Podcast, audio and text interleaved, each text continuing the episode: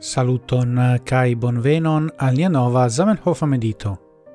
Hodiaŭ mi volas legi kai mediti kun vi sur el tiro el gazeta articolo la esperantisto kiu aperis en la frua iaroide de la lingvo nome en la iaro 1800 naudec quin. Gi trovigas en pagio ducent dec unu. Kai temas pri turno punto de la frua historio de la Esperanto-movado.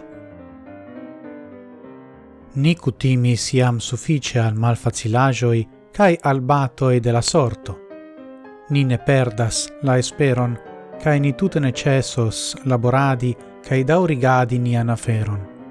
Sed la neatendita bato devigas nin vole ne vole interrompi por kelke da monatoi la eldonadon de nia gazeto. Gis ni tute ordigos la aferon. Niai abonantoi volu pardoni al ni tiun ci interrompon, ne dependantan de nia volo. Post tri quar monatoi, nia gazeto de nove aperos, eble sub shangita formo, titolo au loco de Eldonado, responde alla metotai postuloi de la censuro, cae niai abonantoi ricevos tiam per unu foio ciuin numeroin por la interrompita tempo.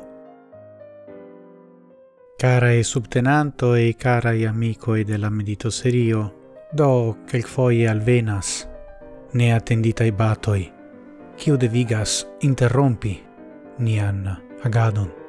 Do, en citiu ocaso al Zamenhof l'abato venis fare de la censuro kai felice in multa ilandoi de la mondo censuro ne plu gravas au ec existas sed parte al tio mi volas inviti nin cun mediti sur la aliro de Zamenhof reagi post la neattendita bato.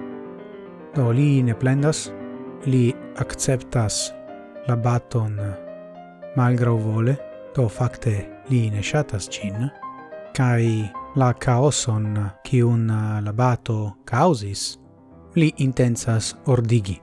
Do, ordigi, forigi caoson post bato.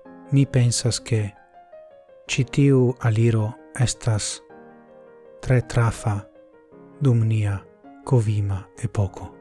Dankon pro via attento, gis morgau, cae ciel ciam antauen sen fine.